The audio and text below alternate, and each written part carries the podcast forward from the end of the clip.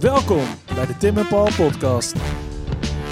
Jezus, dit is zo hard. Tim en Paul zijn echte nature boys. Paul heeft een tattoo van een idyllisch industry en zijn bedrijfje is vernoemd naar legendary natuurvorster Alexander von Humboldt. En Tim gaat graag naar de intratuin. Zo is natuur. Maar hoezo is natuur? In de laatste 300 jaar zijn er allemaal mensen geweest die zich druk hebben gemaakt over het hoe en wat van de wildernis. De erotiek van Carl Linnaeus. En het avontuur van Charles Darwin. Maar we maken ook een klein uitstapje naar Henry David Thoreau en zijn romantisch-idealistische tiny house movement. We wanderloesten ons door de maakbare, dynamische en statische natuur.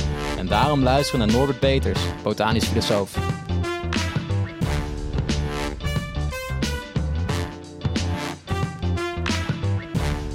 Norbert, goedemorgen. Goedemorgen. Goedemorgen, welkom. Ehm, of sinds we zijn bij jou te gast. Maar alsnog welkom bij, bij jou thuis in Leiden op deze druilige vrijdagochtend. En ehm, we gaan het hebben over een onderwerp wat mij heel erg eh, nader aan het hart ligt. En jou uiteraard nog veel meer dan dat, denk ik. Ehm, maar om even te beginnen. Jij uh, omschrijft jezelf als botanisch filosoof. Ja. En wat moeten wij, wat moeten Tim en ik ons daar in hemelsnaam Wat is dat in vredesnaam? Ja. Een botanisch filosoof. Ja, dat is eh, het, eh, een titel die ik heb bedacht, eh, vo- voornamelijk. Het is wel eens grappig, want Charles Darwin heeft een keer een, een, een soort award, prijs gekregen voor filosofische botanie. En vroeger betekende dat in de 19e eeuw betekende dat gewoon dat je niet een specialist was op het gebied van botanie. Dat je eigenlijk probeerde een beetje een generalistische kijk te geven op botanie eh, in, in zijn geheel. En er is ook één andere botanisch filosoof, die woont in Mexico, heb ik me laten vertellen. Dus er zijn inmiddels twee ter wereld. nu, zeg maar. dus hebt, het, het- werkveld is vrij klein. Je hebt twee, het eh, werkveld is bijzonder ja. klein, ja. En eh, botanische filosofie, ja, het betekent een hoop. Ehm, maar het betekent eigenlijk voornamelijk dat ik kijk naar de ontwikkeling van de botanische wetenschappen. In feite ga ik daar gewoon als een soort eh, wetenschapshistoricus te werk. Maar het gaat ook wel om de relatie tussen mensen en planten, de relatie tussen dieren en planten, eh, de bijzonderheden van planten en eigenlijk voorra- vooral over hoe onze kijk op planten door de tijd heen is veranderd. ja. Er is Laat- eigenlijk ja, heel veel gebeurd. Laten wij daar, als eh, wij zijn natuurlijk twee historici, laten we daar meteen even de geschiedenis mee induiken. Want kan je ons een heel klein... Wat is er zoal veranderd? Ja, eh moet ik even een startdatum beginnen. Maar vanaf welk moment spreken we over eh, zeg maar, botanie eh, als wetenschap? In feite zie je botanie als een wetenschap opkomen. Ja, 17e, 18e eeuw op zich ook al wel. Uh, maar het begint zich pas echt los te weken van geneeskunde. Mhm. Het is eigenlijk altijd een beetje een dienstmaat geweest van geneeskunde. van, oh, je weet is veel natuurlijk over op zich planten, dus je weet ook wat tegen de pest helpt. Weet je dat, dat idee? Ja, ja, Ja. het is natuurlijk vooral... eh, In het begin is zo'n wetenschap heel erg antropocentrisch. Het gaat gewoon heel erg over wa- wat is voor mensen handig. Dus Ja. het gaat over economie, eh, economische planten. ehm, en het gaat over medicinale planten, voornamelijk. Ja. En een beetje sierplanten. En pas in de 19e eeuw beginnen echt, begint echt de botanie zich te ontwikkelen in verschillende takken ook. Je krijgt dan ook een, weer een beetje een taxonomische tak die zich bezighoudt met de klassificatie van planten. Je krijgt een wat meer ecologische tak die zich bezighoudt met de biogeografie van planten. Waar komen, eh, hoe is de verspreiding van soorten over de aarde?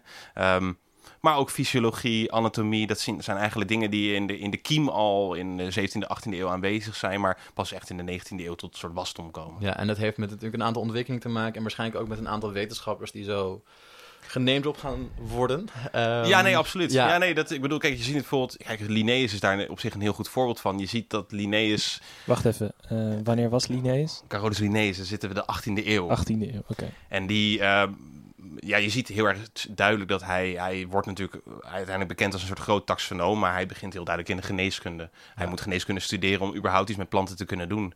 En hij komt ook naar Nederland toe om te promoveren in de geneeskunde. Ehm, dat deed hij trouwens in Harderwijk. Wat, je, je kent misschien nog wel dat grapje van de professor Vetse As van Ouds van de Universiteit van Harderwijk... van het Klokhuis. Kennen jullie dat of niet? Nee, nee. nee. ja, oké. Enlighten us, ja. Eh, dat was altijd... echt, dat- dat echt was- een goede grap worden, hè? dat begrijp je.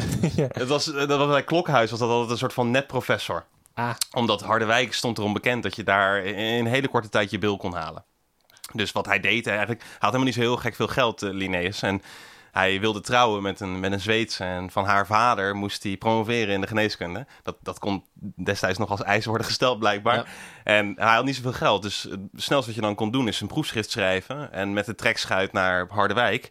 En dan in Harderwijk een week of twee ingeschreven staan en vervolgens je bil in ontvangst nemen. En hij heeft dan een proefschrift geschreven over malaria. hij dacht dat daar uh, malaria, het woord zegt dan een beetje, het is een slechte lucht. Dat is Oh ja, de ja. gedachte dat het door een soort slechte lucht kwam. En hij had volgens mij de gedachte dat het door modderpoelen kwam, of weet ik veel wat. Eh, eh, een hypothese die in ieder geval geen stand hield. Maar eh, met die reis had hij ook een, een, een, een nieuw idee bij zich, of eigenlijk een, een, nieuw concept bij zich voor de klassificatie van planten. Ja. En dat is, of eh, voor, sorry, de klassificatie eigenlijk van de hele natuur, niet alleen het Want dat plantenrijk, is iets, maar wat eigenlijk op dat moment nieuw is. Van, god, dit is eh, deze bloem, deze plant en dit is anders dan... eh, dit is een andere tak, dit is een andere, eh, andere naam, andere oorsprong van deze planten. Men zocht heel erg naar een sleutel om de, het plantenrijk te beginnen klas- te klassificeren. Je ziet eigenlijk een enorme aanwas van nieuwe soorten naar Europa.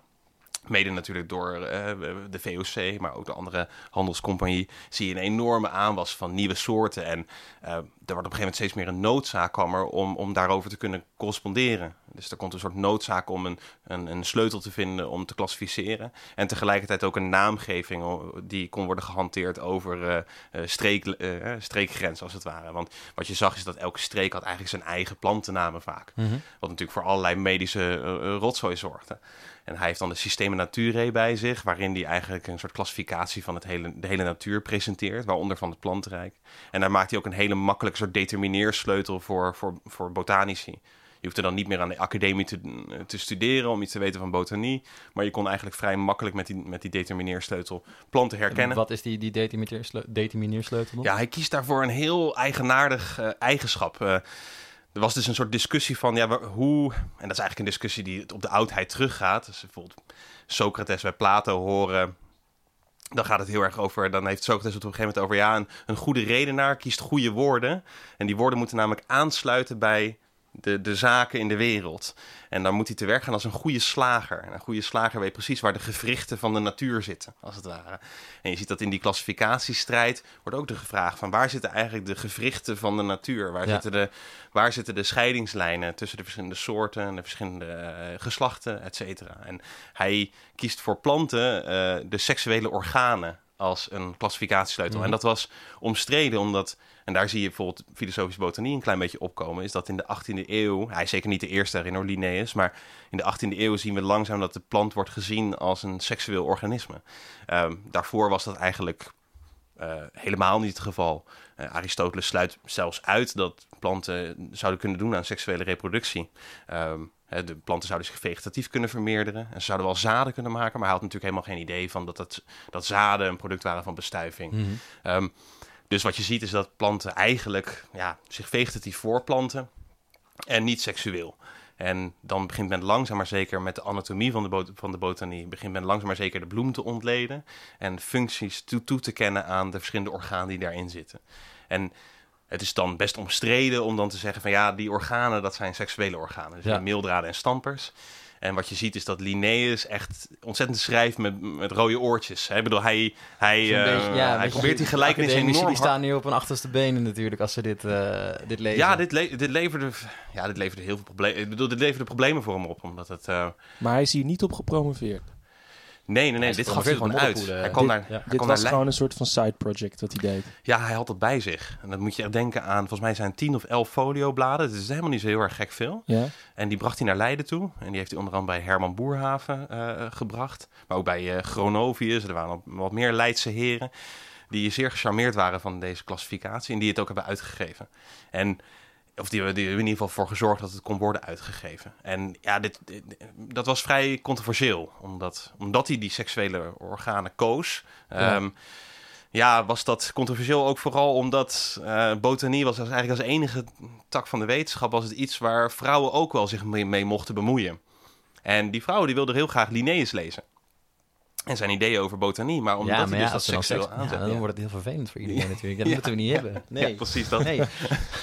Dus je ziet dat priesters en, predikanten die gaan op een gegeven moment het boek weren. Hij is ook heel vaak gecensureerd. En hij krijgt ook echt problemen. Er zijn mensen die... Er is op een gegeven moment een kerel in, eh, in Sint-Petersburg, in de botanische tuin van Sint-Petersburg. Nou, in ieder geval meneer Ziegesbeck, die, eh, die schrijft een brief. En die eh, brief die wordt gepubliceerd. En dat is eigenlijk eh, best wel desastreus voor de, voor de reputatie ook van, van Linnaeus. Daar moet hij ook echt op reageren. Hij vraagt ook andere mensen om op de- daarop te gaan reageren. Want die, die Siegersbeck die zegt eigenlijk, ja, wat jij voorstelt is een soort bordeel. Het is een soort botanisch bordeel. Ja. ja, want het is dus ook echt de manier waarop hij schreef, was dus ook echt, hij probeerde die analogie heel erg hard aan te zetten. Dus wat hij dan bijvoorbeeld doet, is dat hij zegt, ja, kijk, de bloem is een soort bruidsbed. En de bloembladeren en de, en de parfums eigenlijk die die bloem verspreidt, dat zijn eigenlijk eh, eh, ja, parfums die horen bij een soort van bruidsnacht. En Dat is wel eh, licht erotisch ja, ja, ja, ja. botanie, ja. En dan maakt hij een verschil tussen cryptogamen en phanerogamen. En, en cryptogamen zijn dan eigenlijk planten die dus in het geheim een huwelijk hebben. Zo, zodoende de naam. En phanerogamen zijn die planten die openbaar een huwelijksnacht vieren. Dus dat kan je zien. En dan is het dus de verhouding tussen meeldraden en stampers. Die, daar, dat relateert hij aan, aan mensen. Dus vaak is er één stamper, dat is dan één vrouw. En die wordt dan omgeven door een veelheid aan meeldraden. En zo praat hij er dus ook over. Dat is dus echt een vrouw die het bed deelt met een hoop kerels. Maar dan Ja, is die bordeelvergelijking toch best logisch. Die bordeelvrouw is zeker logisch. En, maar het probleem was dat als je seksualiteit van planten gaat ontkennen, dan, dan wordt het heel lastig om, eh, om überhaupt planten te kweken. En dus ongetwijfeld hebben kwekers al veel langer een, begrip maar dan is het niet van- opgeschreven en dan... Ja, ja, dat, Ja. Dat, dat, Ja, dan is het meer een soort volkswijsheid, toch? Dan Ja. weten mensen die daarover gaan, weten dat wel. Ik, ik, ja, ik kan me bijna niet voorstellen dat goede plantenkwekers niet doorhadden dat bestuiving een rol speelde. Maar je ziet dat tot aan de 18e eeuw, of eigenlijk tot ver in de 18e eeuw, zie je dat het een discussie is. Over ja, oké, hoe eh, gaat die bestuiving dan in zijn werk? Wat gebeurt er dan überhaupt in de plant? Eh, en, en, en is dit inderdaad wel noodzakelijk voor voortplanting? Dus dat is heel erg een discussie die dan in die tijd speelt. Maar het zorgt er eigenlijk voor dat, ja, je ziet dan eigenlijk dat er een nieuwe manier van kijken komt op. Ja. En je ziet eigenlijk dat die manier, manier van kijken vooral een soort van taalspelletje is. Je ziet dus heel erg dat het nog heel erg hing- hinkt op de analogie met mensen. En pas later gaat men natuurlijk... Wordt het losgekoppeld, zeg maar. Ja, worden daar meer van losgekoppeld en begint men meer planten te zien als een seksuele organismen, maar dan op een hele andere manier dan, Ja, dan, dan bij waarop mensen of, zijn of- dieren dat doen. Ja. Ja, ja, Mag ik nog En- even, mag ik nog even vragen? Ja, tuurlijk. Deze meneer heeft dat nieuwe systeem bedacht dus. ja. Maar je zei net dat er dan een Rus een boze brief schrijft. ja. Hoe was de verspreiding van wat hij had bedacht? Was dat dan echt dat de hele botanische wereld, iedereen die hiermee bezig was, wist van deze nieuwe theorie? Of was het gewoon Oh, dat is een goede vraag. een stel... Je hebt een beetje een soort strijd in die, in die, in die tijd. En, en ik denk dat het voornamelijk. Je moet, er is natuurlijk wel gewoon drukpers en zo. Dus je, de, de- zijn ideeën konden zeker wel worden verspreid. En, maar je ziet ook wel dat hij een beetje reist om zijn ideeën wat meer te, onder de, a- a- aan de, men, aan de man Ja. te brengen. te verkopen. Hij probeert het in Engeland. Daar komt het niet heel erg van de grond. Er zijn wel een aantal mensen die groot fan van hem zijn. Maar niet, zeker niet iedereen. In Frankrijk leeft al eerder dit soort ideeën. Hij heeft het eigenlijk ook een klein beetje niks dat van, het in van Frankrijk wat meer, eh, meer leeft. Maar... Ja, nee, dit- hij speelde het al wat langer. Ik denk inderdaad dat dat... Dat ging voornamelijk, denk ik, op basis van correspondentie. Dan wel inderdaad op basis van, van ge- gedrukt werk. En hij schrijft natuurlijk in het Latijn. Dus het is wel zo dat eh, de academici er universeel zeker. Ja. Toegang toe. Ja, Ja. ja. En, en Linnaeus is op zich misschien wel een, een, een bekende naam. Dat is dus, wat hebben we de 18e eeuw hebben we het dan over? Ja. Laat, vroeg 18e eeuw. Eh, Zo'n beetje midden 18e Midden eeuw, 18e eind eeuw. 18e eeuw, moet, Ja. moet je denken. Ja. En dan is er natuurlijk eh, een klein fenomeen dat heet de Franse Revolutie. ja. En daar, daarna is er ook wetenschap wordt ook anders bedreven. Er zijn verlichtingsidealen bijgekomen, et cetera. En hij zit daar, zit hij daar nog voor? Zit hij daarin? Is hij, Eh, wordt ik hij daarna dat- zeg maar afgeschreven Ja. als iemand die bij het ancien regime achtige ideeën had? Of is het... Nou, dat, nee, dat, ik kan, me- nee, dat kan me eigenlijk niet zo 1, 2, 3 voorstellen dat dat, dat, dat zo zou zijn. Ik denk, ik bedoel, het is wel... Er zitten gewoon verlichtingsaspecten aan. Ik bedoel, überhaupt het idee dat je de wereld kan gaan zitten klassificeren Ja, op basis van een bepaalde... Hè, dus op een gegeven moment zegt Rousseau bijvoorbeeld van... Ja, Linnaeus heeft ons eigenlijk een soort de draad van Ariadne gegeven. Waardoor die Ja. botanische eindelijk uit dat doolhof kwamen van al die woeker Ja. aan namen. En ik denk ook meteen aan de encyclopedie, toch? Ja, oh, absoluut. Ja. Ja, ja, ja. Oh, Ja. absoluut. Zo van, we gaan dingen in kaart brengen en beschrijven. En, ja maar dat is wel misschien een klein uitstapje naar iets meer naar de filosofie. Maar de, de, de ideeën van de verlichting is dus heel erg van... we kunnen de natuur onder controle houden... of we moeten dat... ehm, ja. soort van de mens staat boven natuur of zo, zeg ik dat dan goed? Of is dat... Ja, en ik bedoel, nou, toevallig was Linnaeus daar vrij, ook daar controversieel in, omdat hij op een gegeven moment in een latere editie van diezelfde Systema Naturae, daar in de tiende editie volgens mij, daar klassificeert hij ook de mens. Hm. Eh, en dan hij de mens als Homo sapiens, de, de, naam, de wetenschappelijke naam die nog steeds dragen. En daaraan zie je al een klein beetje aan, en daar zet hij dan bij, ja, het is Homo sapiens, en dan zet hij erbij, eh, volgens mij te ipsum en dan nog wat. Het is in ieder geval ken u zelf.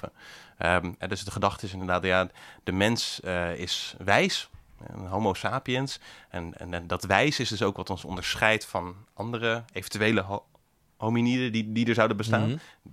Hij heeft daar ook allemaal ideeën over, maar eh, en, dan zou, en die wijsheid zou ook nog eens een keer specifiek zijn. Het zou een reflectieve vorm van wijsheid zijn. Het is eigenlijk dezelfde uh, term als de spreuk, of dezelfde spreuk als, de, als we die we zien in de, bij het orakel van Delphi.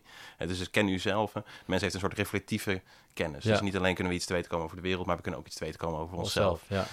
En daar, bij, bij hem, hij deelt ons dan in onder de primaten. Wat natuurlijk op zich op basis van anatomie uh, helemaal niet zo'n hele vreemde geste is. En maar ook 2019 toch ook wel redelijk geaccepteerd. Uh, ja, ja, absoluut. Ja, ja. Maar in zijn tijd zorgde dat volgens mij er zelfs voor dat um, het Vaticaan uh, zijn boek op de verboden lijst heeft gezet. Dat hebben ze vaker gedaan. ja, ja, ja. ja.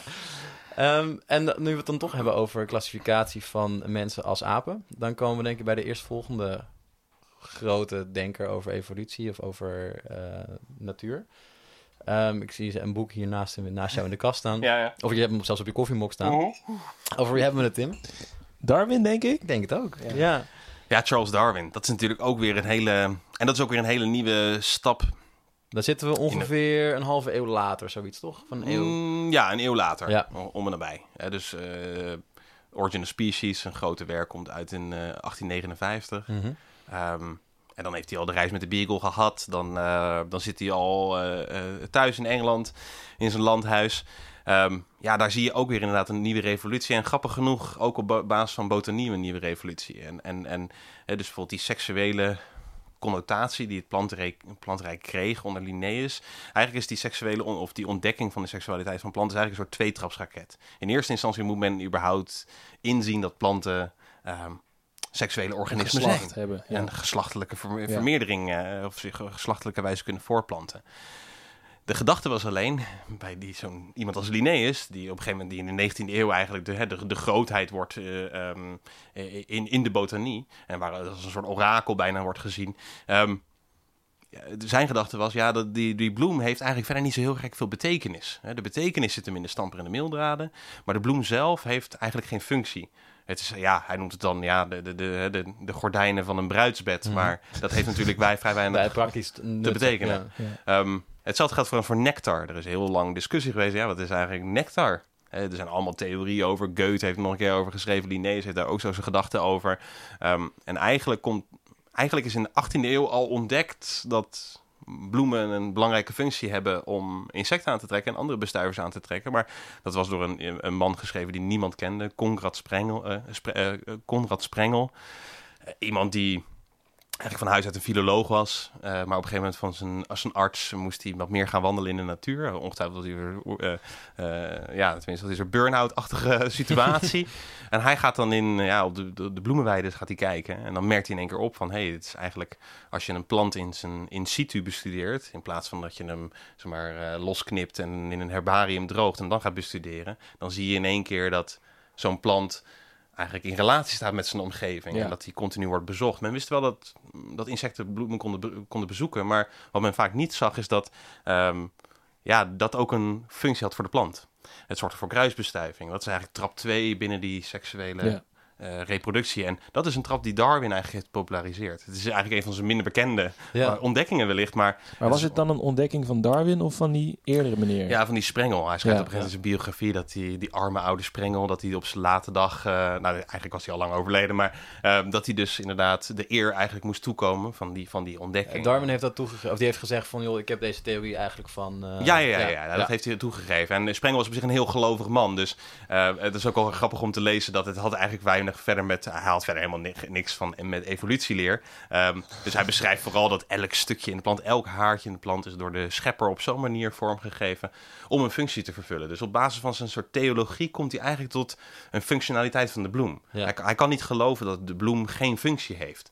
Want waarom zou God iets in de natuur hebben geplaatst? Zonder functie. Ja, precies. Ja. Maar dat is toch eigenlijk ook wat hardcore evolutionisten zeggen, dat alles een functie heeft? Absoluut. Ja, ja, dus, ja, ja, ja, ja. Dus ja, ja, nee, bedoel... zijn twee paden op hetzelfde. Ja. Nou ja, ik bedoel, dat is, en sterker nog, dat is een hele een enorme invloed op elkaar. Zeg maar, Darwin is eigenlijk degene geweest die de functionaliteit, of eigenlijk de doelmatigheid van iets, heeft losgekoppeld van de theologie.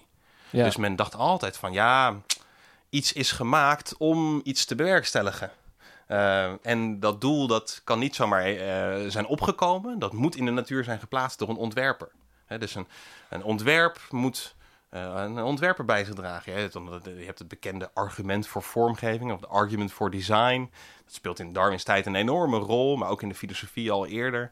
Um, ja, een, een plant of een ander organisme is heel complex. En als je daar bijvoorbeeld een horloge nalegt, dan van dat horloge weten we, oh, er moet ergens ja, uh, iemand, iemand, zijn in een Chinese fabriek die dat heeft gemaakt. ja. En er moet ook een ontwerper zijn. Dus de complexiteit van de levende natuur moest op basis van dezelfde Dat kan niet uit zichzelf zijn ontstaan of uit verloop. Ja, ja, En, en wat Darwin eigenlijk laat zien is dat een proces van natuurlijke selectie uh, en van variatie en selectie, dat dat wel degelijk ontwerp kan opleveren, maar een soort gek soort ontwerp. Hij zegt op een gegeven moment ook van ja, het is eigenlijk een soort van schroothoop waarbij je ja, waarbij functies eigenlijk kunnen cumuleren, uh, maar niet van tevoren zijn vormgegeven. Daarom zit ook de natuur vol fouten en gekke... Uh, en gekke dingen natuurlijk ook. Ja, ja, ja. natuurlijk. Ja, ja. Bij, bij ons is dat even goed zo. En bij planten is dat trouwens even goed ook aanwezig. Het zijn allemaal onderdelen van planten die eerder een andere functie hebben gehad, die dan weer een nieuwe functie krijgen. En dus, ja. dus, Ik denk even bij ons als mensen even aan de blinde darm. Dat soort... De blinde darm is daar een goed voorbeeld van, maar ook het oog.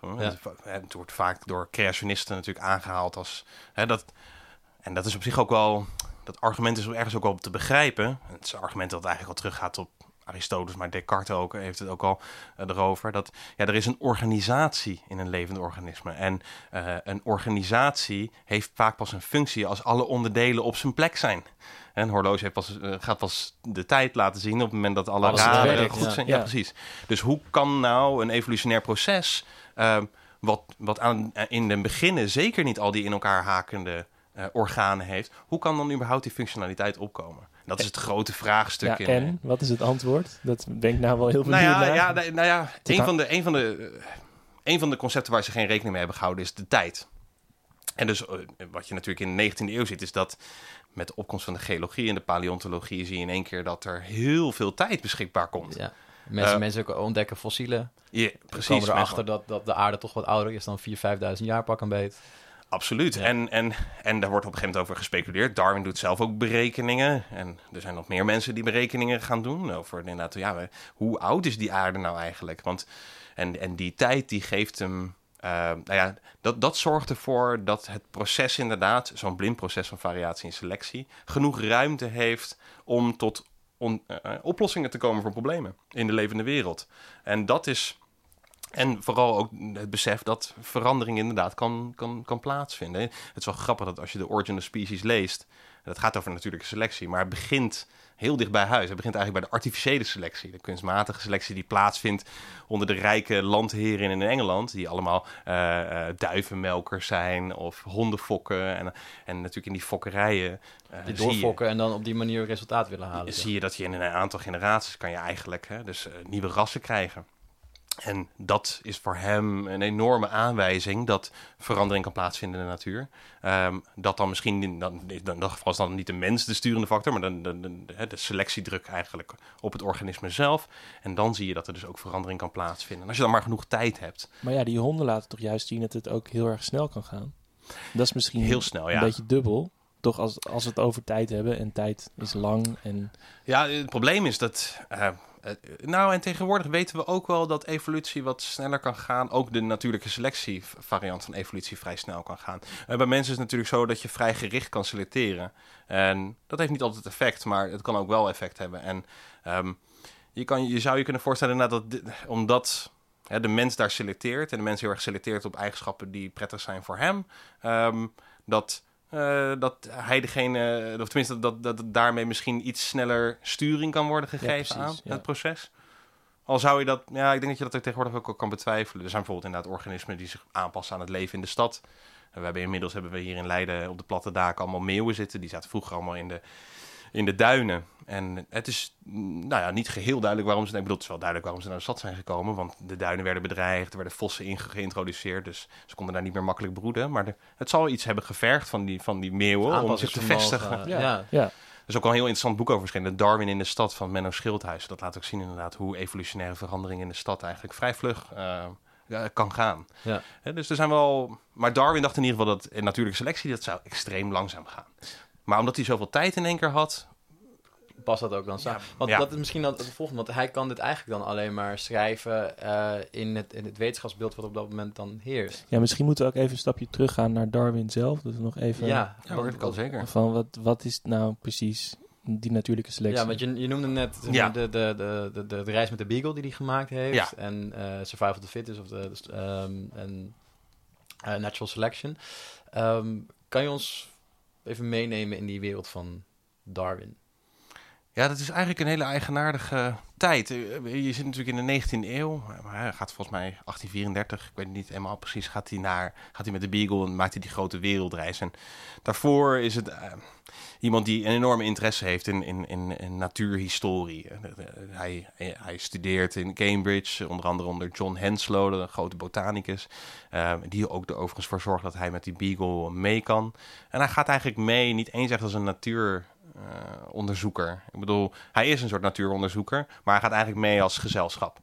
Ehm, dus hij heeft. Omdat de avonden zo lang zijn op die boot. Of... In de avonden zijn ze lang en de standenmaatschappij in Engeland is, ik bedoel, een soort van ja, geconcentreerd op die boot. Ja, dus wat men merkt op een gegeven moment in de marine is dat, en dat is de voorganger van Fitzroy. eh, Fitzroy meneer- is de kapitein op de Beagle. ja, ja, ja, ja, ja, precies. Fitzroy is de kapitein uit de Beagle. Zijn voorganger, eh, kapitein Pringles, die had ook zelfmoord gepleegd. En men had het idee dat ja, er eigenlijk een soort van depressie kwam op, op die boot, omdat die standenmaatschappij voorkwam dat de kapitein zomaar even kon converseren met de zeelui Ja. die aan boord waren. dat dat zou gebeuren. Ja, precies. Ja, dat natuurlijk niet. En Fitzroy trouwens op een gegeven moment op latere leeftijd ook zelfmoord gepleegd. Maar Misschien is dat Ehm, toch de invloed van Darwin.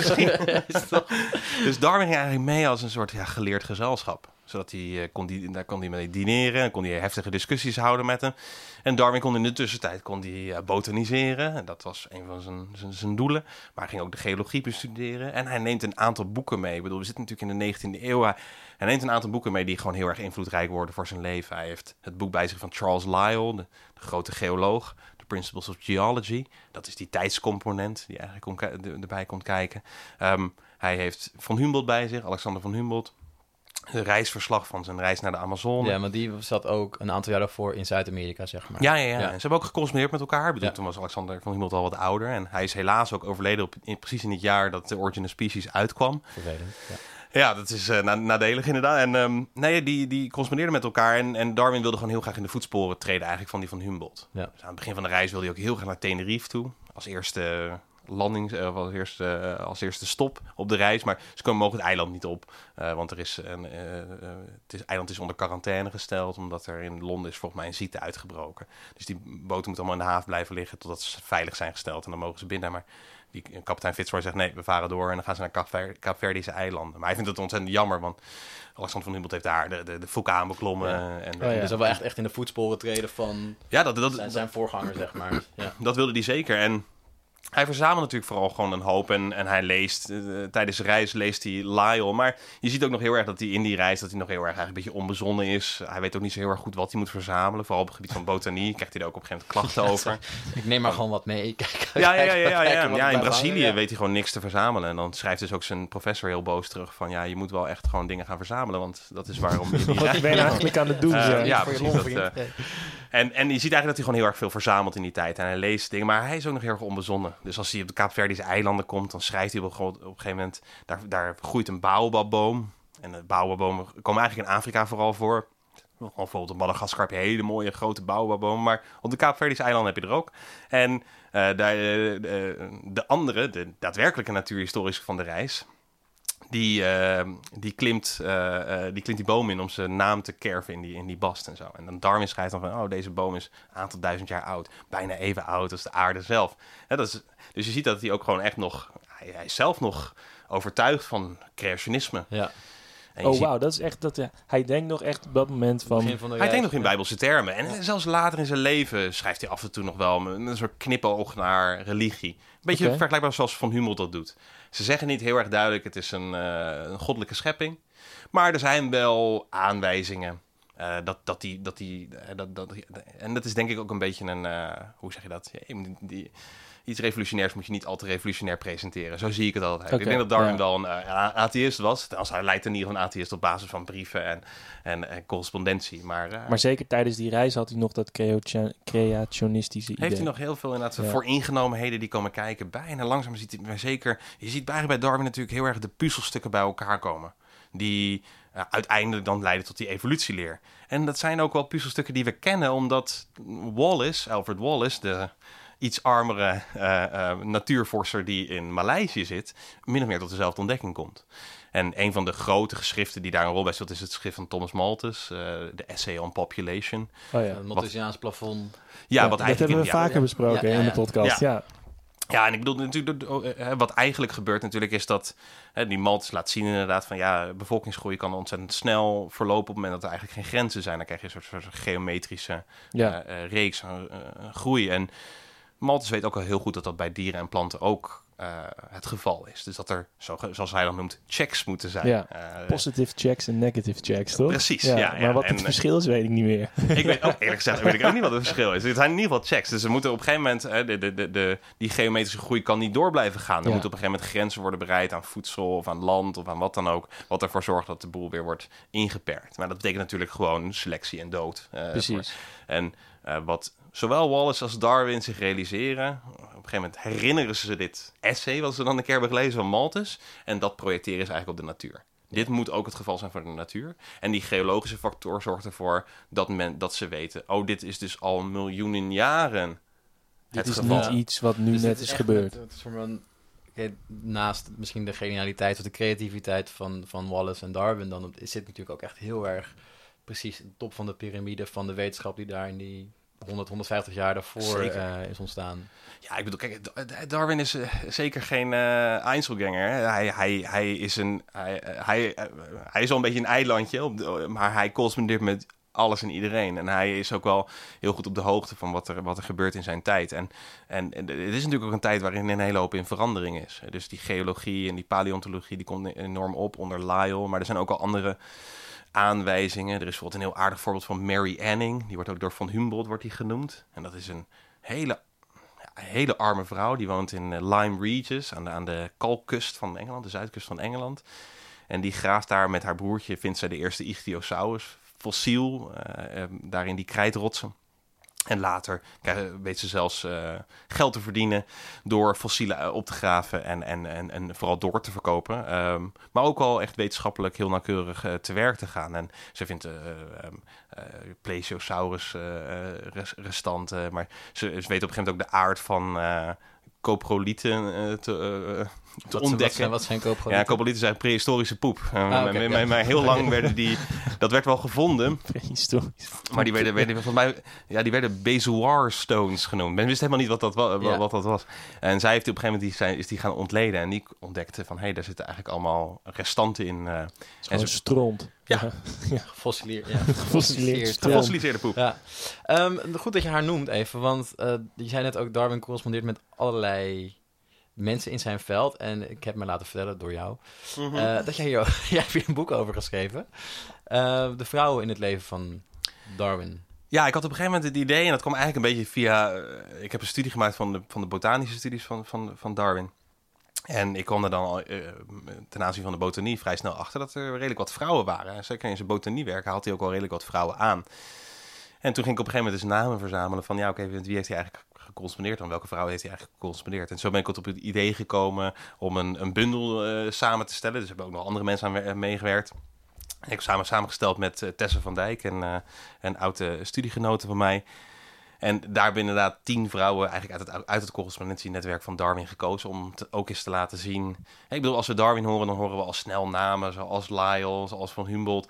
En dat is zeer terecht ook. Dat zijn belangrijke figuren in die tijd. Maar het aardige is ook wel dat ook die vrouwen wel degelijk... eh, Want, want bij Linnaeus, waar we het net over hadden, dat was toch echt foute boel als die vrouw die licht erotiserende teksten van, eh, over stampers en mildraden gingen lezen. Maar dat is Zeker. dan 100 jaar later is dat wel weer geaccepteerd. Nou ja, het begint te veranderen. Ja. Eind, eind 19e eeuw, hier in Nederland trouwens ook, maar ook in Engeland. eh, eigenlijk begint eind 19e eeuw, komen de eerste vrouwen mogen naar de universiteit. Ehm, ja, je ziet dan dat langzaam maar zeker begint de zaak een beetje te veranderen. En het grappige is wel dat daarvoor, de opa van Darwin, Erasmus Darwin, is eh, de popularisator geweest van Linnaeus in Engeland. Hij heeft vertalingen, Engelse vertalingen gegeven van Linnaeus. En hij was een van de eerste die Linnaeus niet wilde censureren. En hij heeft ook een boek geschreven dat heel populair is geworden. Dat eigenlijk, het is eigenlijk een soort van heel lang gedicht. Het heet The Loves of Plants. En dat is dan de, de liefdesverhoudingen van planten. En daar uh, in dichtvorm dicht hij in een soort van pastorale poëzie uh, over, ja. uh, over die seksuele relatie van planten. Maar eigenlijk wil hij dat een vrouw dat schrijft. Um, dat de vrouw dat gedicht maakt en hij zou dan in de voetnoten de wetenschappelijke onderbouwing geven. Dat is eigenlijk een van de een vroeg voorbeeld van wetenschapspopularisering. Mm -hmm. Hij dacht dat via gedichten kon hij de botanie van Linnaeus aan de man brengen. Maar waarom moest het dan een vrouw zijn? oh nee, er was gewoon een vrouw die hij kende die heel goed oh, kon, okay, kon dichten. Okay. Maar die wilde zich er niet aan wagen. En hij heeft het ook uiteindelijk anoniem gepubliceerd in eerste instantie. Um, later was het, was het op zich, heeft hij wel zijn naam eraan verbonden. Maar het is wel grappig om te weten dat die Erasmus Darwin eigenlijk ook een beetje een controversieel figuur was. Ja, ja, die heel, uh, ja, tenminste een, een beetje een, een, ja, een eigen kijk had op. Hij, hij, hij, was zelf veel, veel feministischer dan de, dan de rest van zijn tijd. In de 18e eeuw is het eigenlijk nog inderdaad voor een heel groot deel taboe om wetenschappelijke publicatie of zo van vrouwen. Ja, dat. En een botanie was dan toevallig zo'n soort uitsparing waar dan vrouwen zich ook mee mochten bemoeien. Maar die paleontologen, die uh, Mary Anning, die heeft helemaal, niet, helemaal niks gestudeerd. En die, maar die correspondeerde wel met alle grote paleontologen en geologen van Engeland. En die werd dan ook wel gerespecteerd daarin? Of was dat... Nee, nee, nee, nee alles behalve. ja. Nee, dat is... Uh, verschil moeten zijn, jongens. Verschil moeten zijn. Het is, het is gelukkig... Nee, er zijn dus een aantal figuren die wel... Dus Alexander van Humboldt noemt haar. Uh, dat is eigenlijk vrij uitzonderlijk. Um, maar in feite niet. Dus wat, wat, er vaak gebeurde was dat uh, zij vond iets... Dat werd verkocht en de koper werd uh, in de publicatie die erbij uh, kwam, als er een publicatie kwam, werd dan de, de koper werd dan genoteerd als de vinder. Um, ja. En dus haar naam werd daar eigenlijk uh, buiten gehouden. Wow. Maar ze weet toch een soort de naam voor zichzelf te krijgen. jongens. Ja. ja, dat is inderdaad. En, maar er zijn uitzonderingen hoor. Er is bijvoorbeeld een, een Zwitsers-Amerikaanse professor, Louis Agassiz. die, um, die noemt een, op een gegeven moment noemt hij een, volgens mij een vissoort noemt hij naar haar. Dus, die, dus er wordt wel. Er zijn, er zijn al wel wat mannen in opkomst die er wat anders over gaan denken. Ja. En Darwin denkt er ook al wat. Zeker in privésfeer denkt hij er wat anders over. Uh, in, in, de, in de publieksfeer is hij wel een beetje af en toe die typische Victoriaanse. Ja. Uh, Want dan, ja, maar, sorry? Ja. ja. Ja, de naam is dan een aantal keer genoemd van Humboldt. Um, ja. Kunnen we daar nog een klein uitstapje naar maken? Zeker. Wat, wat, wat is zijn impact in dit verhaal? Waarom is het van belang dat hij met Darwin uh, dat is een goede vraag. correspondeert? Ik denk dat de correspondentie niet zozeer van belang was. Hij was vooral geïnteresseerd in de planten die Darwin had verzameld op de, op de reis met de Beagle. En dan vooral ook de planten van de Galapagos-eilanden. Dus wat je ziet is dat eigenlijk als Darwin op de Galapagos-eilanden komt, waar die maar twee weken is, ja. um, dat hij voornamelijk geïnteresseerd is in geologie en botanie. Ja, dus tegenwoordig herinneren heel erg Darwin en de Galapagos-eilanden van de, de, de, de vinken in eerste instantie. Misschien ook wel de schildpadden die, er, die erop voorkomen. Maar het voornaamste wat hij eigenlijk deed was um, um, geologisch onderzoek en, en botanisch onderzoek. Er was eigenlijk geen collectie, geen basiscollectie voor die eilanden. En die eilanden hadden ook een beetje een vreemde status, want het, die eilanden liggen eigenlijk eh, bijna duizend kilometer van, van de kust van Peru. En um, daarom worden ze ook de, de, weeskinderen genoemd. Dat is in Moby Dick bijvoorbeeld worden ze genoemd als de Lascaux oh, ja. Uh, dus de weeskinderen van het continent, want ze liggen zo ver van het continent. En ze liggen in feite op de Evenaar, of min of meer op de Evenaar. Uh, maar dit, is geen, uh, er is geen tropische rijkheid aan soorten of wat ook. Het is eigenlijk een vrij desolate plek. Ja. Als ze aankomen is het heel vulkanisch met wat cactussen en toestanden. En hij krijgt al eerder de opdracht van ja, let vooral op die eilanden, op de planten die daar groeien, verzamel die. En hij legt eigenlijk de basiscollectie aan voor de Galapagos-eilanden op basis van planten. En daar ziet hij eigenlijk ook voor het eerst um, uh, ja, een soort vinkachtige toestanden eh, ten aanzien van planten dan. Er zijn daar, er is een bepaald geslacht van planten wat groeit op de Galapagos-eilanden. Daar verzamelt hij er van de 15 soorten die er groeien verhandt hij er 6 of 7. En dat zijn de Scalesia. Dat zijn een soort van, de, uh, die horen eigenlijk tot composieten, net als madeliefjes en paardbloemen. Maar die groeien uit tot bomen, wat eigenlijk vrij uitzonderlijk is. De meeste composieten die blijven kleine kruidplanten. Maar daar heb je zogenaamde madeliefbomen, et cetera. En dat komt eigenlijk doordat er veel minder selectiedruk is. Uh, oh ja. Het is lastig om op die eilanden te komen. En hij begint die soorten te verzamelen. En daarin ziet hij inderdaad de, eh, de, de variatie ook tussen de verschillende bladeren van de soort en de hoogtes. En, de, en dus als ze meer op de vlakte groeien, dan zijn het kleinere bladeren of hele fijn geveerde bladeren. Die makkelijk lucht kunnen circuleren en zichzelf kunnen verkoelen. En de hogere plekken ziet hij Scalesia met enorme grote bladeren. Ja. eh, die, eh, die makkelijk daarmee zonlicht kunnen, kunnen, kunnen, Maar valt dat dan niet dan in, met het idee van, van Humboldt samen, die dan, die maakt op een gegeven moment een schets toch van Ja, een hele bekende tekening die hij heeft gemaakt. Zeker. Daar weet Jongens, jij jongens, meer van over dan, even dan terug, wie is Van Humboldt? Wanneer leefde die? Wat heeft hij gedaan? Ik, weet, ik ken die Van helemaal Humboldt, niet. ja. Ja, jongens. Ehm, Het zijn er twee, hè? Je hebt Alex, ja. Alex en... eh, Je hebt gek. en Wilhelm Ja. van Humboldt, inderdaad. Ja. En van Wilhelm van Humboldt dacht men dat het een slimme kind was en Alexander van Humboldt niet. Maar ik bedoel, al heel snel werd duidelijk wel eh, later dat... twee wel wat. Het is een, hij is een manisje van alles. Er is zoveel over Van Humboldt eh, te zeggen. En ik weet ook veel te weinig van hem om daar heel veel over te zeggen. Maar je ziet in ieder geval dat het is echt een homo, een, echt een homo universalis. Een soort polymath van... Ik kan het zo gek niet bedenken. Eh, hij doet mineralogie, geologie. ehm, hij doet heeft eh, ook dierlijke fysiologie. gestudeerd met Goethe, geloof ik, of zoiets. Hij, hij Hij was goed bevriend met Goethe. Ja. En ehm, ja, sterker nog, een van zijn essays, ster- sterker nog, de schets waar je aan refereert is denk ik de vulkaan de Chimborazo, die Ja, hij ja. gebruikt voor eigenlijk een van de eerste grote infographics in, eh, in, in zijn tijd. En dat essay in de Duitse versie wordt, wordt opgedragen aan, aan Goethe. En dat heeft ook al, eh, er is ook een relatie tussen Goethes denken over planten. Goethe heeft natuurlijk, ondanks, of buiten zijn gedichten en boeken, heeft hij ook een beetje iets gedaan met eh, metamorfose van planten. En ehm, van Humboldt, die, ehm, die draagt zijn essay over de geografie van planten, een heel klein essay eigenlijk maar is, eh, draagt hij op aan, aan, aan Goethe, de, de, de Duitse versie in ieder geval. En daar, ja, daar zie je die vulkaan inderdaad. En dat, zo komen we ook al een klein beetje richting eh, wat de relatie is tussen Darwin en, en Van Humboldt. Hè, wat je eigenlijk ziet is natuurlijk in de tijd van Van, van Humboldt, is dat Linnaeus reigns supreme. Hè? Je, dus het gaat om de klassificatie van de planten. ja. Ehm, En, en- en, Linnaeus is dan nog steeds bepalend, bedoel je? Of, Linnaeus is daarin bepalend. En Linnaeus heeft wel ideeën al over de verspreiding van planten. Alleen dat is nog heel erg onder een soort religieus dogma. Het is niet geheel... Er is al wat, wat discussie. Ja, waar is nou uiteindelijk die ark van Noach ergens aangemeerd? En hoe zijn die soorten dan weer verspreid Ja, ja. vanuit die ark? Uh, maar uh, in feite was de gangbare gedachte... en eigenlijk een hele, een, een, een, een hele vreemde gedachte was dat... Uh, maar die we nog steeds wel vandaag de dag terugzien... is dat een, een plant, evenals een dier, heeft een vaste plek. Heeft een vaste niche, habitat, hoe je het ook wil noemen. Um, en die is onveranderlijk door de tijd heen. Dus, omdat men nog helemaal geen geologie in, in een achterhoofd had, dacht men, ja, dit, dat landschap is allemaal vrij statisch. Ja, dat, zit daar, dat is daar gewoon en dat is Ja. er altijd al geweest. Ja. Ja. En um, Linnaeus had dan het idee van een zekere economie van de natuur. Wat hij heel huishoudelijk begrijpt. Er is een soort van huishouden van de natuur. Waar, wat ervoor zorgt dat niks echt kan gaan woekeren. Uh, en niks kan uitsterven. Alle soorten die er zijn, geschapen door God, dat is een perfecte schepping. Dus daar kan, niks kan daarvan uitsterven. En uh, alles heeft een vaste plek gekregen. En dat is eigenlijk tot in de 19e eeuw een hele gangbare gedachte. En we zien eigenlijk dat bij Darwin, maar ook bij Alexander van Humboldt, begint die gedachte te schuiven. Dus wat Van Humboldt eigenlijk doet met dat essay over de geografie van planten, is voor het eerst die klassificatie eigenlijk nou eens een keer een klein beetje loslaten. We hoeven niet alleen maar te klassificeren en een herbarium aan te leggen met alle verschillende soorten. Wat veel belangrijker wellicht is, is waar groeien soorten en waarom groeien ze daar. Dus iets groter perspectief pakken. Ja, ja. Ja, en inderdaad vooral dan op de, op de verschijningswijze ook van, van, van, van planten letten. En daar komt ook Goethe eigenlijk om de hoek een beetje kijken. Het gaat dan vooral over de type planten die op bepaalde plekken groeien. En daar ontdekt Van Humboldt hele eigenaardige dingen in. Dus als je die vulkaan neemt, dan... Ja, dat, is eigenlijk, dat is een heel mooi plaatje. En dan zie je allemaal van die kleine kriebelnaampjes staan op die vulkaan. Uh, en dat zijn allemaal vegetatiezones. Dat zijn eigenlijk waar bepaalde plantensoorten voorkomen. En wat hij dan merkt bij die vulkaan, die ligt in Ecuador, dus het is een tropisch land. Als je aan de basis staat, kom je gewoon in een tropische vegetatie.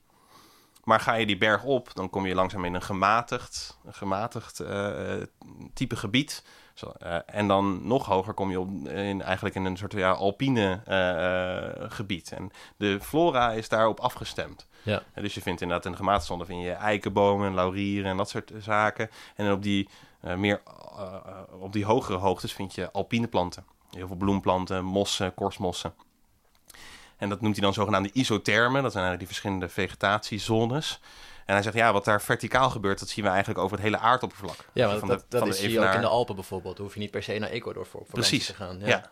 Dus hij ziet eigenlijk dat er op een gegeven moment... Hij, hij begint langzaam door te krijgen van dat, dat, dat die verspreiding van planten... dat daar bepaalde, een, een bepaalde Een soort logica. Ja, er zit een soort logica achter, er zitten een soort regels achter. En daar zie je ook alweer dat, van Humboldt als de verlichtingsdenker. Die wil natuurlijk het liefst al die wetten blootleggen, zodat je precies kan weten wat je op zo'n heuvel Ja. kan aantreffen. ja. En wat eigenlijk bij, bij Darwin begint te gebeuren, en dat begint eigenlijk al iets eerder bij Lyell, en zelfs van Humboldt heeft het daarover, ja, de verspreiding. Hoe hebben planten nou eigenlijk daadwerkelijk die plek gekregen? En wat je natuurlijk langzaam ziet met de evolutieleer, is dat we leren begrijpen dat eh, de plaatsen die ze hebben gekregen eigenlijk eh, plaatsen zijn die het resultaat zijn van een strijd om het bestaan en een verspreiding. En dat eh, planten koloniseren en nieuwe gebieden innemen. En dat met een veranderend aardoppervlak en veranderende temperaturen en atmosfeer zien we eigenlijk dat planten zich aanpassen aan nieuwe plekken en Dus nieuwe het plekken is weten dus te heel erg dynamisch. Ja, Ja. en dan begin je ook de Galapagos-eilanden goed te begrijpen. Want die Galapagos-eilanden zijn opgerezen uit de oceaan. Als een soort tabula rasa, als een lege, Ja. schone lei. Maar er zijn wel planten. Ja. Dus een van de eerste projecten van Darwin is om uit te vogelen... hoe zijn die planten daar terechtgekomen? Dus waar hij heel veel tijd aan besteedt is de verspreiding van zaden. En dan heeft hij dus allemaal in huis allemaal potjes staan met zout water... waar, die, waar zaden in drijven. Om te kijken hoe lang kunnen zaden kiemkrachtig blijven in zout water. Dat- Nadat ze in zout water hebben gelegen. Maar hij onderzoekt ook hoe, eh, of de modder aan de poten van eenden, of daar zaden in kunnen zitten. Hij onderzoekt vogelpoep, schraapt hij en dan probeert hij daar ook zaadjes uit te winnen. Om de vraag te kunnen Hoe beantwoorden. komen ja, ze hoe- vanaf ja, Ecuador, ja. Peru richting... Ja. En dan zie je eigenlijk dat die, die prachtige kaart van, van, van, van Humboldt, met al die vegetatiezones, dat dat eigenlijk een draaiende kaleidoscoop is. Waar als je de tijd erbij zou nemen, zie je dat dat continu in beweging is. Bepaalde planten weten zich aan te passen aan nieuwe omgevingen en weten zo nieuwe gebieden te koloniseren. En, en, en, en, en worden ook weer verdreven door andere soorten. En, en zo zie je eigenlijk dat langzaam maar zeker een soort ecologie begint te ontstaan van oké, hoe zijn planten verspreid over het eh, aardoppervlak? Ik gebruik dan vaak het woord plantenkleed voor. Het aarde heeft een, kle- een kleed om en je moet begrijpen hoe dat kleed in elkaar zit. Ja. En er zit ook een economische component. Want het is niet zozeer dat het alleen maar een soort van interesse was van, oh god, waar groeien al die planten? Maar er is ook een moet ook economische geld verdiend worden, ja. Als je, ja, want als, je kan, als jij weet waar een bepaalde plant groeit, kan je een andere plek op de kaart zoeken met dezelfde Waar omstandigheden. die je ook kan groeien. groeien. En, ja. Hè, dus bijvoorbeeld de kinaboom, die zorgt voor eh, kinine, wat eh, voor gin en tonic en, Oh, ja. en bitter lemon, maar ook voor een malaria-middel. die kinaboom wordt ontdekt, wordt beschreven door Van Humboldt. Niet ontdekt door Van Humboldt, hij is al lang ontdekt daarvoor, maar hij wordt beschreven en hij zegt, ja, er is een enorme... eh, er wordt enorm, dat wordt enorm geoogst, dus het gaat slecht met die boom. En dan sturen eh, Engels, de Engelsen en de Nederlanders sturen delegaties naar Zuid-Amerika toe om die kinaboom te verkrijgen. Nou, de Nederlanders weten dat te doen. En ehm, die verschuiven uiteindelijk naar Indonesië toe. En in Indonesië zit op dat moment Jung Hun, een, een, een, Duitse onderzoeker. eh, die heel erg veel met vul- vulkanen doet, et cetera. En die heeft dus met, met Van Humboldt in zijn achterhoofd. Van Humboldt was ook een grote fan van deze Jung Hun. ehm, weet hij waar die kinaboom moet worden aangeplant. En, daar wordt hij nog steeds geplant en daar wordt hij ook nog steeds Dat, dat gekweekt. is gewoon ja, En het is gelukt. meteen bewijs. Ja, dat is gelukt. theorie, ja. Ja, dus die economische botanie komt dan heel erg in opgang. En dat is, beschrijft ook alweer, daar komen we eigenlijk ook alweer een beetje uit, uit bij het begin. Die economische botanie is de motor voor de, het zelfstandig worden van die botanie. Ja. Dus het is niet alleen zo dat je planten gaat zitten on- onderzoeken omdat ze gewoon interessant zijn. Dat gebeurt ook wel. Maar het gaat er ook om, er zit ook een economische motor achter. Ja. Ja. En dan... Moet een beetje op de tijd gaan letten. Ja, toch? ja. er zijn nog twee dingen die ik, eh, die ik in wil gooien, als het, als het mag, Tim. Ja, ik, ja, ik. Ehm, Ja. Darwin, die schrijft zijn boek. En is denk ik nu, als we kijken naar alle wetenschappers die wij kennen. We maken een lijstje. Nou, er komt een, een, een Newton, Einstein en Darwin zit daar denk ik bij. Een van de waarschijnlijk, dus niet alleen de qua wetenschap bekendste figuren, maar überhaupt denk ik Mhm. bekendste figuur uit de, ehm, eh, uit de 19e eeuw. Ehm, maar heeft het ook nog buiten de academie nog eh, andere... ehm, een andere rol gespeeld? Gaan mensen op een andere manier naar de natuur kijken hierdoor? Hoe zit het in het dagelijks leven? Gaan mensen meer de natuur in? Eh, omdat Darwin zo'n grote guy wordt, zo populair wordt, gaan mensen er anders naar kijken? Ja, ik denk, ik denk, het, ik denk het zeker wel. Hè, Dus een van de dingen die bijvoorbeeld gebeurt is dat Darwin is eigenlijk niet gebonden aan een universiteit. Mhm. Die doet heel veel huistuin- en keukenonderzoek. Hij heeft helemaal hele aardige proefjes allemaal voor gewoon in je eigen huis. En een van de dingen die bijvoorbeeld gebeurt is dat eh, vrouwen merken van... hé, hey, dat Shit. kan ik ook. Ja. Ja. Want hij doet het ook thuis, dus waarom zou ik dan niet ook thuis? Dat is bijvoorbeeld een Amerikaanse vrouw, eh, Mary Treat, die schrijft Home Studies in, in Nature. Dat is eigenlijk beschrijft ze allemaal proefjes die ze doet in en om haar huis. En eh, daar ontdekt ze hele aardige dingen in. Dus je ziet inderdaad dat er iets... Hè, er begint inderdaad een, de, de, de amateurwetenschapper... Eh, dat geeft eigenlijk ook een soort van bevrijding aan vrouwen. Eh, vrouwen kunnen in één keer ook... hey, ik ga me op die manier met wetenschap bezighouden. En dat kan eigenlijk ook, want Darwin doet het ook. Dan moet het ook, ja. Experimenten doen. Ik Ja. ga gewoon dingen onderzoeken. Dat gevoel een beetje. Ja. ja. Maar Darwin zit ook wel in een grotere lijn. En ik denk dat je daar ook enigszins op doelt. Is dat in de 18e eeuw, maar zeker en nog meer in de 19e eeuw, zien we eigenlijk. En dat zie je bij Van Humboldt eigenlijk, is een van de eerste die daar ook eh, mee begint. Een andere waardering van de natuur om je heen. Een andere kijk van de natuur Ja. om je heen. En je ziet dat Van Humboldt beschrijft de wildernis van Amerika als een. Ja, als een, eh, eh, een geweldige plek. Als een prachtige plek. Een schone, een verheven plek. Ehm, wat natuurlijk heel, op zich ook alweer heel vreemd is. Want Amerika is helemaal niet zo heel erg wild. Er wonen al heel lang heel veel mensen. En die zijn al heel lang heel druk bezig met het land daar cultiveren. Maar de, de, de, de mythe is van de Amerikaan die, of de, van de Europeaan die naar Amerika toe gaat, is dat hij de, de wildernis binnentreedt. Ik hoorde ook laatst dat het naam Virginia daar bijvoorbeeld van afkomstig is. Dat is eigenlijk de, de Engelsen die de maagdelijkheid van, de, van Amerika aantasten. Er woonden al een paar duizend jaar mensen. Woonden Ja. al een paar duizend jaar mensen, inderdaad. Dat, hadden dat we een even. aantal akkers. Die hadden ook gewoon Ja. landbouwpraktijken, Ja, ja, ja. inderdaad. Die hadden ja, geciviliseerd ja, allemaal, absolu- ja. Absoluut, ja, ja. ja. Dat is een van de grote, hè. Dus de, de, de nobele wilde. Dat is natuurlijk Ja. een van de manieren waarop Amerika zich heeft kunnen ont- ontwikkelen tot een, tot een, tot een grote natie. ehm, door te doen alsof ze een wildernis binnenkwamen. Daar wil ik dan Ja. meteen even op inhaken. Ja, ja, want, ja. Is dit je eh, laatste vraag dan, Paul? Dit is de laatste vraag. Je had er nog Eh, twee namelijk net. ja, ja, sorry Tim. Ik vind het gewoon interessant. Ehm, dan hebben we het, zeg maar, dan zit je, eh, we hebben het over de wildernis, de natuur. En mensen gaan die natuur ook in. En dan wil ik even heel snel iets hebben over, of eh, informatie weten over Thoreau. Ja, En, ehm Maar wie is dat dan? Wanneer leeft Henry hij? David Thoreau. Ja, dat is een... Thoreau, eh, sorry. Niet Louis. Nou, oh, nee, maar- Ja.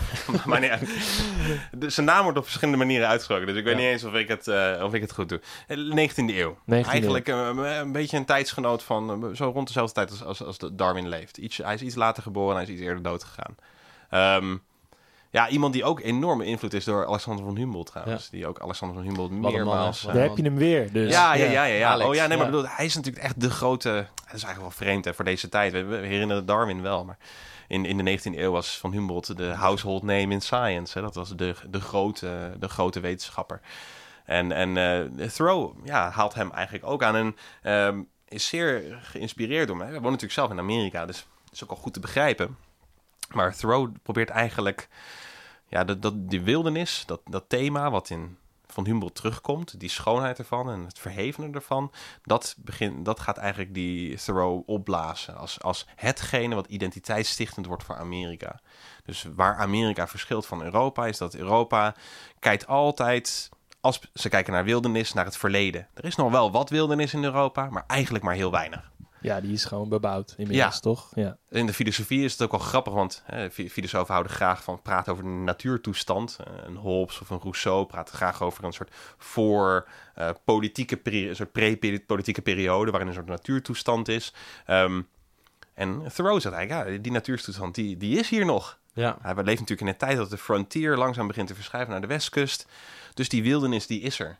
En, en dat is eigenlijk hetgeen, het springende punt waarop de Amerikaan zich nou zou kunnen ja, afkeren van het continent. Dat is eigenlijk een beetje een rare gedachte, maar de Amerikanen willen eigenlijk op een bepaalde manier een eigen identiteit.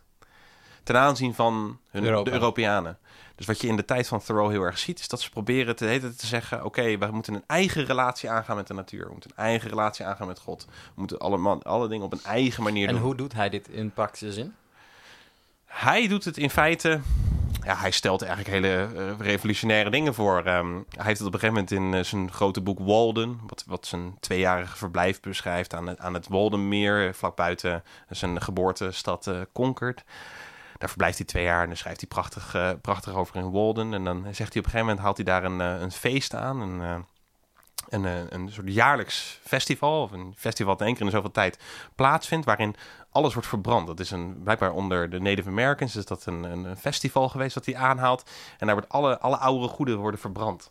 En hij stelt eigenlijk eenzelfde metamorfose door, uh, voor, voor de Amerikaan. Alles platbranden en...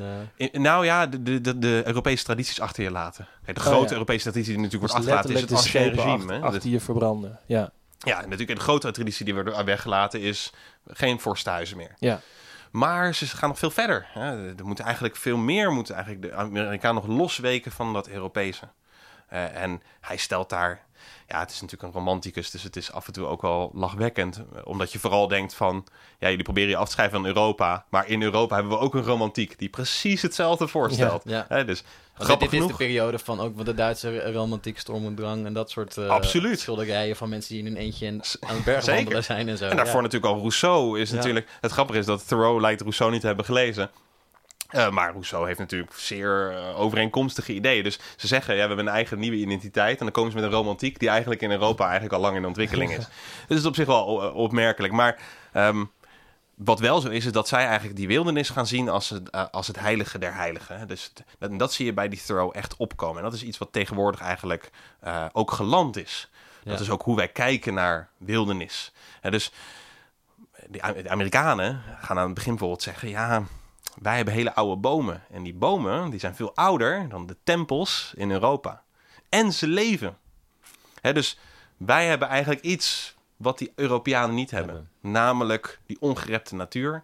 En die ongerepte natuur die wordt ja, in, steeds meer termen, in steeds meer esthetische termen beschreven.